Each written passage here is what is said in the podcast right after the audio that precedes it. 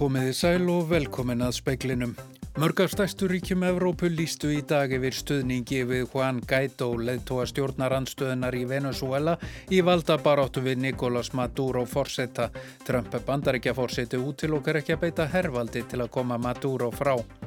Bæjarstjóri fjardabigðar telur að ef veggjöld verði innheimt í jarðgöngum sem þegar hafa verið tekin í notkun þyrrt einni að taka upp veggjöld á öðrum samgöngum mannvirkjum eins og miklubraut í Reykjavík. Umræðaðum fyrirhuguð veggjöld sé skamt á veg komin. Vonsku veður verður á sunnanverður landinu á morgun og hefur veðurstofan gefið út appelsínugula viðvörun á söðurlandi. Verst verður veðrið undir eigafjöllum og í vestmannegjum. Mengun frá útblæstri bíla nálgast heilsuvendarmörk í Reykjavík. Heilbriðis yfir völd hvetja fólk til að nota engabílin minna. Norskir loðdýrabændur telja að bætur frá ríkinu verði að vera rúmlega 32 miljardar íslenskra króna ef ákveði verður að leggja loðdýrarækt í landinu niður. Norska ríkistjórnin stefnir að því að loðdýrabúskapur verði bannaður frá 2025. Umsjónamaður speilsins er Pálmi Jónasson. 16 Evrópuríki þeirra á meðal Þískaland, Svíþjóð, Frakland og Spátn lístu í dag yfir stuðningi við Juan Guaidó, leðtóa stjórnarandstöðunar í Venezuela. Nicolás Maduro, forsett til landsins, segir vopnaðarsveitir tilbúnar verði hervaldi beitt gegn honum.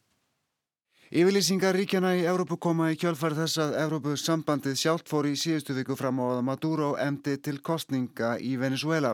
Guaidó hefur lýsi réttmætan fósetta landsins og nýtur nú stuðnings fjölmarkra ríkja, þó ekki Rúslands og Kína sem eru stærstu lánadrottnar Venezuela. Maduro verðist enn hafa herin í landinu á sínu bandi að mestu leiti, þótt einstaka herfóringjar hafi ofinbellega lýst yfir stuðningi við Guaidó. Spennan í landinu ekst með hverjum deginum, fjölmenn mótmæli hafa verið í Caracas og öðrum borgum Venezuela undan farna daga og tugir hafa látist í átökum við öryggisveitir. Donald Trump bandaríkjafósetti sagði í viðtali í gæra að hann útilókaði ekki hernaðaraðgerðir gegn stjórn Maduros sem svaraði til að vopnaða sveitir væru tilbúnar í átök og að bandaríki hermyndi upplifa annað Vietnamstríð eruðu hermenn þaðan sendir til Venezuela. Björn Malkvist sæði frá og ítalegar fjallaðum ástandið í Venezuela síðar í speklinum. Ef veggjöld verða lögð á Norrfjörðagöng sem voru opnuð 2017 og Fáskrúsfjörðagöng sem komist í gegni 2005 þarf líka að leggja veggjöld á miklubrautina. Þetta segir bæjastjóri fjörðabegðar. Í breytingatillögum við samgöngu áætlun er litið til þess að flýta framkvæmdum með veggjöldum. Þau eruðu jafnvel líka lögð á ákveðin eldri mannverki. Við höfum svo sem ekki tekið formlega afstöðu til þess þar sem að vega áallunin gerir ekki ráð fyrir eh, vegigjöldum eins og staðan er í dag. Það er náttúrulega bóðað að taka það upp í haust og skoða það. En við erum með uh, tvö mannvirki hér í fjardaböðu sem eru þá mögulega undir ef að menn ætla að fara í einhver aldæka veggjöld sem eru þá göngin millir Norrfjörðar og Eskifjörðar og annarsvegar og hinsvegar Eðafjörðar og Faskursfjörðar hinsvegar og þetta eru náttúrulega þjóðbrutur í þéttbíli og, og ef það ætti að leggja á þau gjald þá væri alveg rétt að leggja á þjóðbrutur í þéttbíli eins og miklubrutina, mannverki sem þar eru. Og þá eru líka horfum til þess að göngin til Norrfjörðar eru eina leiðin til Norrfjörðar, það er búið að loka göngunum yfir Rótskar þannig að, að það væri mjög sérstakt og ekki anda það sem er að gera í dag ef ætti að leggja veggjöld þar á. Þannig að það múi sjá það að það er mikil umræða sem á eftir að eiga sér stað áður en að þetta verður að eh, veruleika Segði Karl Óttar Pétursson bæjarstjóri fjörðabigðar, nánari fjallaði málið í sjónvarsfrettum klukkan sjö. Ísafi og flugfélagið Ernir hafa náð samkómulagi um uppgjör vegna ógreitra notenda og flugleiðsögu gælda félagsins innanlands. Kyrsetningu á flugvél Ernis hefur því verið aflétt. Þetta kemur fram í sameinlegri yfirlýsingu frá Ísafi og flugfélaginu. Talsvert hvessir í nótt og morgunum landið sunnavert og spáir veðurstofa Ísland stormi á þeim slóðum setnipartin á morgun. Jafnvel verður staðbundi rók siðst á landinu og í öræfum þar sem hviður geta farið yfir 40 metra á sekundu. Gulviðvörun hefur verið gefin út á morgun á Faxaflóa, Suðurlandi, Suðausturlandi og Miðhálendinu.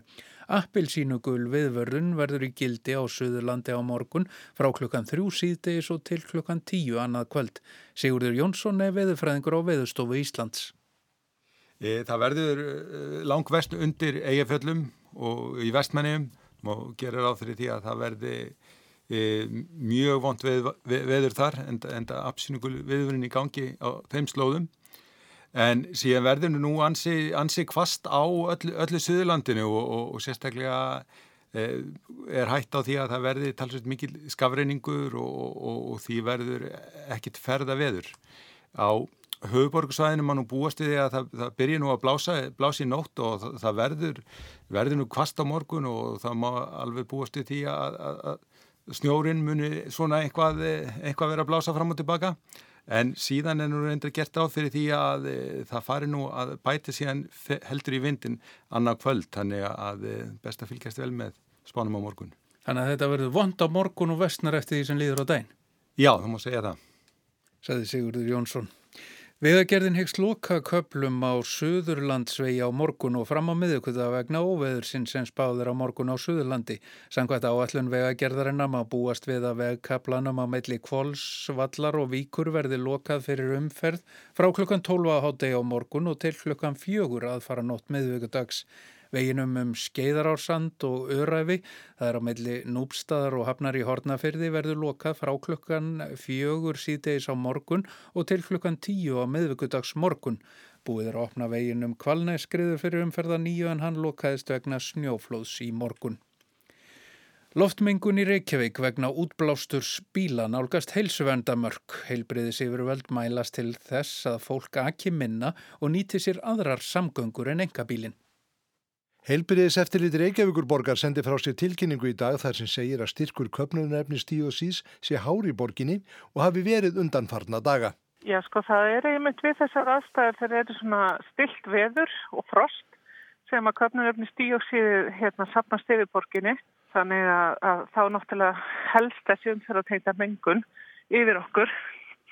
Og er hún mest við þessar eh, algengustu umferðar æðar eins og, eins og við þekkjum? Já, þetta er náttúrulega mest við staðstu umferðargötunar. Þetta náttúrulega dreifist yfir borgina. Þetta er gastegund sem að leggst yfir. Þannig að þetta náttúrulega hækkar styrkin, má segja, um alla borg. Segir Svafaði Steinarstóttir helbriðisfullrúi. Hún segir þá sem er með viðkvæm öndunarfæri geta fundi fyrir þessu sem og börn sem eru með óþróskaðan lungnavef náttúrulega hérna, er að nálgast að fara yfir sólarþings heilsuvendamarkin en það verður ennþá ekki farið yfir klukkustunda heilsuvendamarkin og þetta er náttúrulega ekki æskilegt að mengun sé yfir mörgum og þeir sem eru viðkomið fyrir í öndunafærum og þeir koma til með að geta fundið fyrir áhrifum. Mengun vegna köpnunarefni stíðosís má einvörðungur rekja til útblástur spíla. Já, við getum náttúrulega lagt enga bílnum ef þessi er kostur og uh, fara ekki neinar óþarfaferðir, reyna að nýta okkur vistvæna samgöngumóta eins og almenningssamgöngur, hjólriðar eða ganga. Þetta var Svafa Steinarstóttir Haugur Holm talaði við hana. Katrín Jakobsdóttir fórsetisráþra sagði á Alþingi í dag að það veri hægt að draga lærdóma af samþygt Alþingi sumari 2009 um að sækja um aðild að Evrópussambandinu.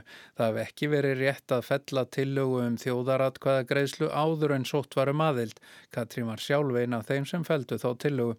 Hún segir að sér hugnist að leita leiðsagnar þjóðarinnar. Það veri óráð að ráðast í slíka vegferð á ný án þess að framfari þjóðaratkvæða greiðsla áður. Sigmundur Daví Gunnlaugsson formaði með flokksinn spurði Katrínu um málið. Ríkistjórn hans ákvað í mars árið 2015 að draga um sóknina um aðild að ESB tilbaka. Lógi Einarsson formaði samfélkingarinnar sagði á alþingi í dag að veðgjöld sem nú séu rættilegist mun þingra á tekjula á hópa.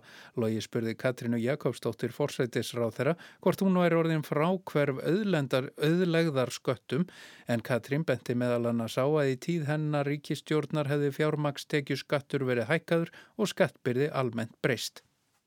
Og þrátt fyrir að skattar hafi hækkað á legstu launin og meðan að byrði þeirra tekjuhæri hafi verið að minka síðustu ár er nú fyrirhugað að láta notendur borga uppbyggingu samgöngumannvirkja í stað þess að fjármagna þau með almennri skattheimtu. Þetta mun leggjast þingra á þau sem að hafa lægst launin. Nú eiga þau að borga sem nota í stað þess að þau greiði sem geta.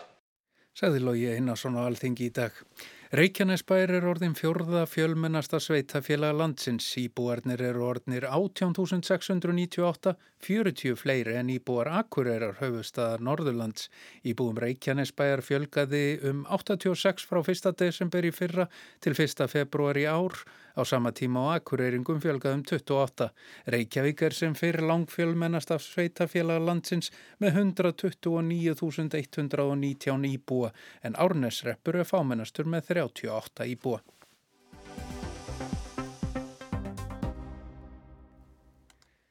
Nicolás Maduro fórseti Venezuela útilokkar ekki borgarastyrjöld í landinu og segir að Donald Trump verði blóðugur upp að öxlum ef bandaríkinn skipta sér af innanríkismálun landsins. Venezuela verði nýtt Vietnam fyrir bandaríkinn. Maduro varð ekki við kröfu Evrópusambandsins um að halda nýjar fórsetakostningar í landinu og í dag hafa mörg Evrópuríki viðukent hvaðan gæti á leðtóa stjórnarandstöðunar sem fórseta landsins til bráðaberða.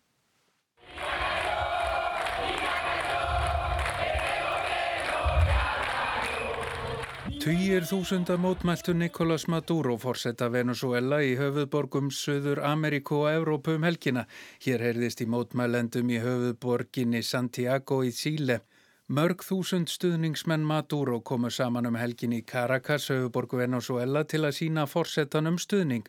Tugir þúsunda mótmæltu honum hins vegar einni í Caracas og lístu stuðningi við leiðtóa stjórnar andstöðunar Juan Guaidó. Lögfræðingurinn og stjórnar anstæðingurinn Stalin González vildi þakka þjóðum heims og Evrópussambandinu fyrir stuðningin í baráttu fyrir frelsi, líðræði og bættum lífskjörum. Pero hoy estamos aquí dando y agradeciendo a los países del mundo, a la Unión Europea, por estar con nosotros en esta lucha, en esta lucha por la libertad, por la democracia, por vivir bien. Vesturveldin styðja yfirleitt Juan Guaidó leiðtóa stjórnaranstöðunar í Venezuela sem er þingforseti og sjálfskeipaður forseti í Venezuela. Evrópussambandið hefur krafist forsetakostninga og Donald Trump hefur verið harðorður í gard Maduros. Margaret Brennan hjá CBS spurði Trump hvort það kemi til greina að beita hervaldi í Venezuela. Trump útilokaði það ekki, beiting hervalds væri möguleg. What would make you use the U.S. military in Venezuela? What's the national well, I don't want to say that, but certainly it's something that's on the, uh, it's an option. Nicolás Maduro var ekki síður harðorður í Gard Trumps í viðtali við spænska bladamennin Jordi Evól um helgina. Hann saði Trump að hætta þessu ruggli. Hann væri að gera mistök sem leitu til þess að hann erði blóðugur upp að aukslum. Deilur verði ekki leistar nema með samtali og virðingu. Stríðsæsingur bandaríkjamanna gæti leitt til endutekningar á Vietnam stríðinu í Rómönsku Ameríku. Para, para Donald Trump, para í. Estás cometiendo errores que te van a manchar de sangre las manos y vas a salir a la presidencia manchado en sangre. Para, los bolivarianos tenemos capacidad de diálogo, de entendimiento, vamos a respetarnos. ¿O es que vas a repetir un Vietnam en América Latina? Se lo diría, se lo repetiría. Í viðtalinu á CBS sagðist Trump hafa hafnað beðni Maduros um beinar viðræður. Hræðilegir hlutir hefðu gerst í Venezuela, landi sem hefði verið það auðugasta í þessum mikilvæga heimsluta. Það ríki nú glundróði glæpir, fátækt og ángist. Fólkið í landinu hafi risið upp og þar logi allt í mótmælum. I decided at the time no. Because so many really horrible things have been happening in Venezuela. When you look at that country, that was the wealthiest country of all in that part of the world, which is a very important part of the world. Mm-hmm. And now you look at the poverty and you look at the anguish and you look at the crime and you look at all of the things happening. So I think the process is playing out very, very big, tremendous protests. Juan Guaidó sem er fórseti þingsins og leðtói stjórnar andstöðunar lísti sjálfan sig fórseta til bráðabyrða 23. janúar. Hann nýtur stuðnings vesturveldana og flest ríki Norður Ameríku og Suður Ameríku stiðja Guaidó.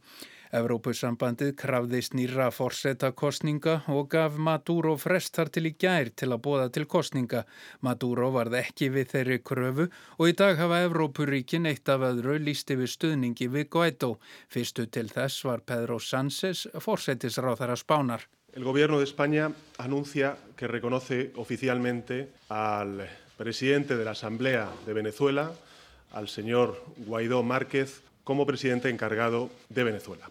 Juan Guaidó hefur bóðið þjóðir heims að senda mannúðar aðstóð til landsins og fullir þeirra 300.000 mann séu við dauðan styr, berist ekki neyðar aðstóð. Maduro hefur hafnað þessu alfarið og segir þetta ekkert annað en tilraun Guaidós til Valdaráns. Venezuela sé ekki landbetlara og því verði ekki tekið við þessari neyðar aðstóð. John Bolton, þjóðaröryggisráð við bandaríkja fórseta, segir að nú séunnið hörðum höndum að því að fylla gáma af næringaríkum matanda nöðstöldum börnum. Ekki er ljóst hvernig neyðar aðstóð verður komið til skila. Gætó stjórnar engu landsvæði í Venezuela en segist alltaf koma upp móttöku stöðvum í nágrannaríkjónum.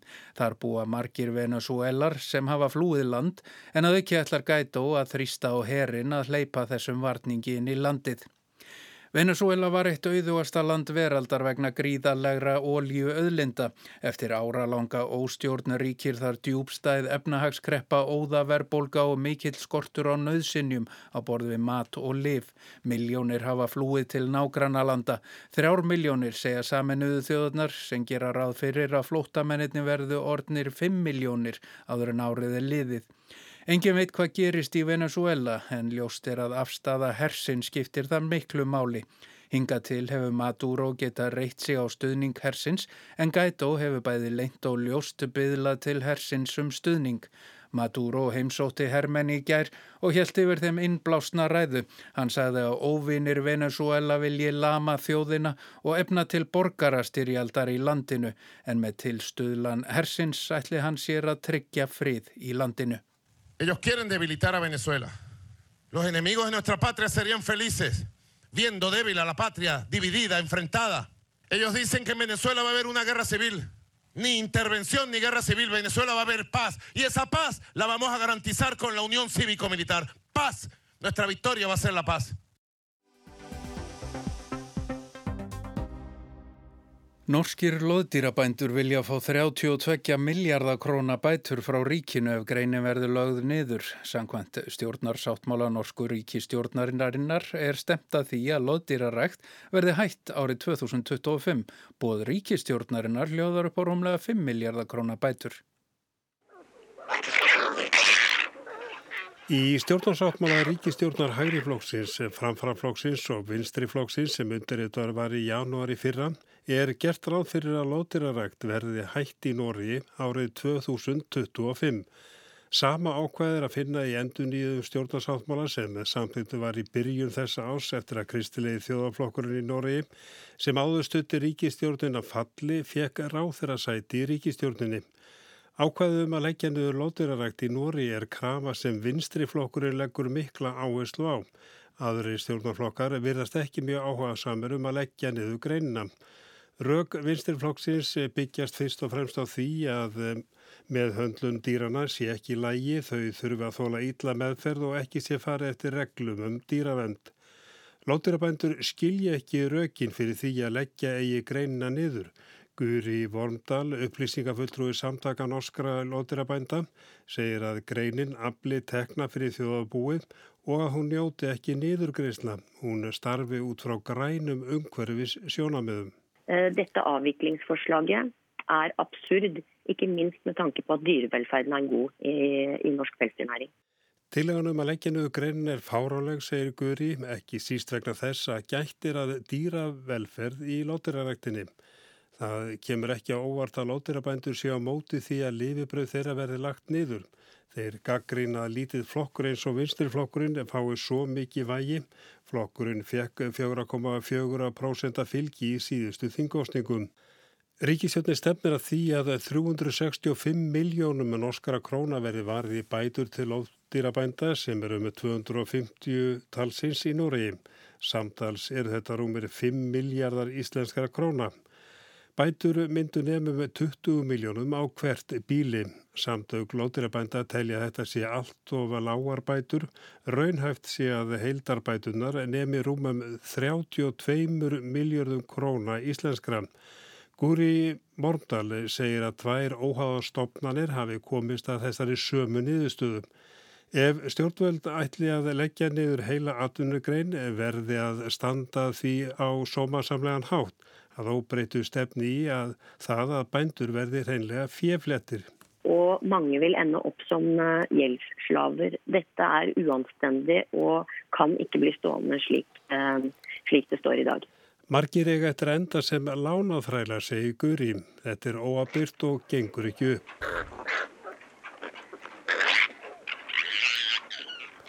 Fimm látirabændur hafa höfða mál gegn ríkjulega stjórnvöldum. Þeir telja ákvörunum að leggja niður greinina standist ekki norsku stjórnarskrána. Það gangi ekki að gera pólitísk rossakaup sem þessi til að koma sama ríkistjórn. Frestu til að skilin umsögnum vegna tillugu stjórnvalda um að leggja niður látirarrekt rann út fyrir helgi. Nari 400 aðdöðasendur í bárust, samtök atvinnlífsins í Nóri, eru meðal þeirra sem leggjast gegn áformum stjórnvalda. Siste ord er definitivt ikke sagt í denne saken. Síðast orðið í þessu máli hefur klárlega ekki verið sagt, segi Guri. Á næstunum verður farið yfir umsagnirnar og ríkistjórnir stefnir að því að leggja fram frumvarp í vor. Lótir að bændur vona að stjórnvöld sjáu að sér. Vi håper og tror at de nå gir norske pelsdyrbønder en anstendig behandling, og at de også selv ser at dette er gjort på en måte som ikke, som ikke er et demokrati verdig. Við vonum að lótirabændur fái réttláta umfjöllun af hálfu stjórnvalda og að stjórnvaldi sjáu að framgangan í málunum er ekki líðræðisleg. Lótirarækt hefur verið stundu í Nóri í yfir 90 ár. Fyrstu dýri voru flutti landsins frá Kanada 1914. Í janúar 2017 voru 245 lótirabú skráð. Frá 1997 hefur hallað undan fæti. Lótirabændum hefur fækkað um helming frá þeim tíma og það er áallega að yfir 60 bændur bregði búi árlega vegna minkandi eftirspurnar. Það blæs ekki byrlega hjá íslenskum lótirabændum. Í fjárlögum er gert ráð fyrir 30 miljóna krónar stuðningi til lótiraræktarinnar. Síðustu tvö ár hafa verið erfið. Tíu hafa hægt og eftirstanda 12 minkabú. 2013 fengust 12.500 krónur fyrir skinnið en í dag er verðið komið niður í rúmar 3.000 krónur. Eftir þryggja ára samfelldan taprekstur í staða minkarektar hér á landi svo versta í 20 ár. Eigandi stærsta minkabús landsins ætlar að þrauka eitt ári viðbútt í þeirri vona markaði fyrir minkaskinn taki við sér á ný. Og sami veruleiki blasið við norskum lóturabændum er það því ekki besta mála að bændur fái bætu til að snúa sér að einhverju öðrum. Guðri Vondal bendir á að verða á skinnum eh, fari upp og niður, bændur þekki það vel. Það gangi ekki að ríkistjórnin noti það sem afsökun til að leggja niður heila atvinnugrein. Dette mener vi er et eh, overgrep på norske pelsdyrbønder som eh, ikke kan bli stående fordi det er ikke et demokrati verdig. Við teljum þetta óbeldi gegn látiræraktinni sem stennst ekki út frá líðræðislegum sjónamöðum, segir Guðri Vondal. Arnar Páll Haugsson sæði frá.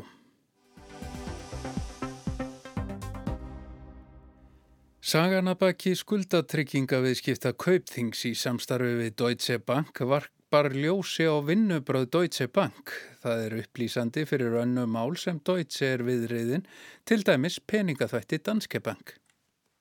Í CLN-sögun í íslensku fór tveimur sögum fram, annars vegar meintar ólöglegar lánveitingar kaupþings í sagamáli sem hefur farið fram og aftur milli íslenskra domstóla. Hins vegar er þáttur Deutsche Bank í þessum viðskiptum sem átt að lækka skuldatryggingar ála kaupþings. Þáttur Deutsche var tilefni viðtækra málaferla í London og víðar og laug með dómsátt í desember 2016. Deutsche félst á að greiða skiptastjórum tveggja tortólufélaga sem komið við sögu í viðskiptunum og slitabúi kaupþings 425 miljónir evra af þeim 510 miljónum sem kaupþing greitti Deutsche í viðskiptunum. Fjö sem kaupþing tapaði. Nýlega byrti kjarnin opið bref um sögamannsins Kevin Stanfords til Reyðasmá Sigurssonar fyrir um fórstjóra Kaupþings og Magnúsar Guðmussonar yfirmanns Kaupþings í Luxemburg. Með brefinu fylgja Ímis Plögg meðal annars dómskjál frá 2014 úr bresku máli skiptastjóra tortólufélagana gegn Deutsche, einni gegn tvímenningunum úr Kaupþingi og fleirum. Þar kemur glögt fram skoðun skiptastjórana á eðli og tilgangi þessara viðskipta að þau get ekki talist neitt annað en markasmisnótkun. Eins og speilin hefur áður rakið hefur það blasað við þeim sem hafa skoðið þetta mál hvort sem var í skýrslu rannsóknanemdarinnar um bankarhunnið eða í ákjærunni í CLN-málinu að Deutsche hafi verið fyllilega upplýstur um að kaupþing fjármagnaði viðskiptin og að eini tilgangurinn var að hafa áhrif á markaðin. Deutsche Bank hefur hins verið í árskýslum og víðar neitað að hafa vita nokkuð um þessi tvö likilatriði fyrir en eftir á. Skiptastjórarnir skildu í upphafi ekki viðskiptalegan tilgang aflandsfélagana í þessum viðskiptum þegar Deutsche var ófúst til svara og ófúst málaferli, fyrst til að fá skjöl, síðan til að krefja Deutsche um endurgreðslu á þeim 510 miljónum evra sem fóru í skuldatryggingaviðskiptin. Rakning skiptastjórarna í málskjalinu með brefi Stanfords er byggð á gognum sem þeir söpnuðu til að sína í þaula aðkomu Deutsche. Þar gemur fram í smáatriðum hvernig Deutsche vissi nákvamlega og allan tíman að kaupþing fjármagnaði viðskiptin sjálft til að hafa áhrif að markaðin. Álegtun skiptastjórana er að með þessu hafi Þíski bankin gerst segur um markaðsmisnótkun. Í rakningu þeirra vantar þó það sem kom fram í íslensku CLN ákjærunni að Deutsche tók stöðu í viðskiptunum og grætti því þegar kaupþing tapaði í viðbót við þóknum Deutsche frá kaupþingi upp á 30 miljónir evra. Í umrættu domskjali skiptastjórana frá 2014 kemur fram að Deutsche læði ímislegt á sig. Bankin bauð til dæmis reyðari má og fjölskyldu á ráðstöfnu á vegum bankans í Barcelona sumari 2008, borgaði ferð og hótel. Þarna voru áallanir um skuldatryggingaviðskiptin njörfaðar niður. Það kemur einnig fram að í fyrsta yfirleiti kaupþings til Deutsche um viðskiptin í kringum Barcelona-förina var rakið hverjir ættu aflandsfélagi sem stæði fyrir viðskiptunum og eins að kaupþing fjármagnaði viðskiptin. Starsmaður Deutsche ringdi í kaupþing til að fá yfirleitunum breytt þannig að það kem ekki fram að kaupþing fjármagnaði viðskiptin. Skiptastjórnir telja að þetta hefur gert í símtali til að bú ekki til pappírslóð um þessi tilmali Deutsche. Fyrri skuldatryggingaviðskiptin í ágúst 2008 í gegnum Tortólufélag Stanfords og fleiri þóttu takast svo vel að þau voru endurtekinn þá í gegnum félag í eigu Ólafs Ólafssonar, núverandi aðaleganda samskipa. Á endanum verðist hluti af neyðarláni Sælabankans til Kaupþings hrundaginn 7. oktober 2008 hafa farið í loka uppgjör þessara viðskipta. En hvað máli skiptir þetta þá að Deutsche hafi mögulega gert segur um markasmisnútkun? Jú, það útskýrir en frekar af hverju bankin kaus að semja við skiptastjóra, tortólufélagana og slítastjórn kaupþings þrátt fyrir að ekkert í uppröðunlega samningnum um þessi viðskipti skildaði Deutsche til að endurgreiða eittnja neitt. Og það er vissulega áleitin spurning hvort Deutsche hafi mögulega veitt öðrum böngum hliðstað þjónustu. Á árunum 2011 til 15 borgaði Deutsche samtals 14,5 miljard evra í sektir víðum heim samkvæmt samantækt Þísku sjómastöðvarnar ZDF fyrir margskins brot á lögum og reglum. Og kannski eru frekari sektir í vændum. Núna beinist aðteglin að þætti Deutsche í peningaþvætti Danske Bank á árunum 2007 til 15. Af þeim 230 miljardum bandaríkjadala sem Danske þvættaði í útibúi sínu í Íslandi afgreiti Deutsche um 180 miljardar. Sagan af skuggalhugum Deutsche virðist sannarlega ekki öll. Sigrún Davidsdóttir sæði frá. En í speiklinum var þetta helst. Mörg af stærstu ríkjum Evrópu lístu í dag yfir stuðningi og Juan Guaidó leittóa stjórnarandstöðunar í Venezuela í valdabaróttu við Nicolás Maduro forsetta. Trump bandaríkja forseti út til okkar ekki að beita hervaldi til að koma Maduro frá. Bæjarstjóri fjárðabyggðar telur að ef veggjöld verði innheimt í jarðgöngum sem þegar hafa verið tekin í notkun þyrti einni að taka upp veggjöld á öðrum samgöngumannverkjum eins og miklu braut í Reykjavík umræðaðum fyrir hugud veggjöld sé skamt á veg komin. Vonsku veður verður á sunnanverður landina á morgun og hefur veðurstofan gefið út appelsínugula viðvörun á Suðurlandi. Verst verður veðrið undir Eyjafjöllum og í Vestmannegjum. Mengun frá útblæstri bíla nálgast heilsuvendamörk í Reykjavík. Heilbreyðis yfir völd hvetja til að nota engabílin minna. Norskir loðdýrabændur telja bætur frá ríkinu verði að vera rúmlega 32 miljardar íslenskra króna ef ákveði verður að leggja loðdýrarækt í landinu niður. Norska ríkistjónin stefnir að því að loðdýrabúskapur verði bannaður frá árinu 2025. En þá er ekki fleira í speklinum í kvöld. Tæknimaður var Mark Eldrett. Verði sæl.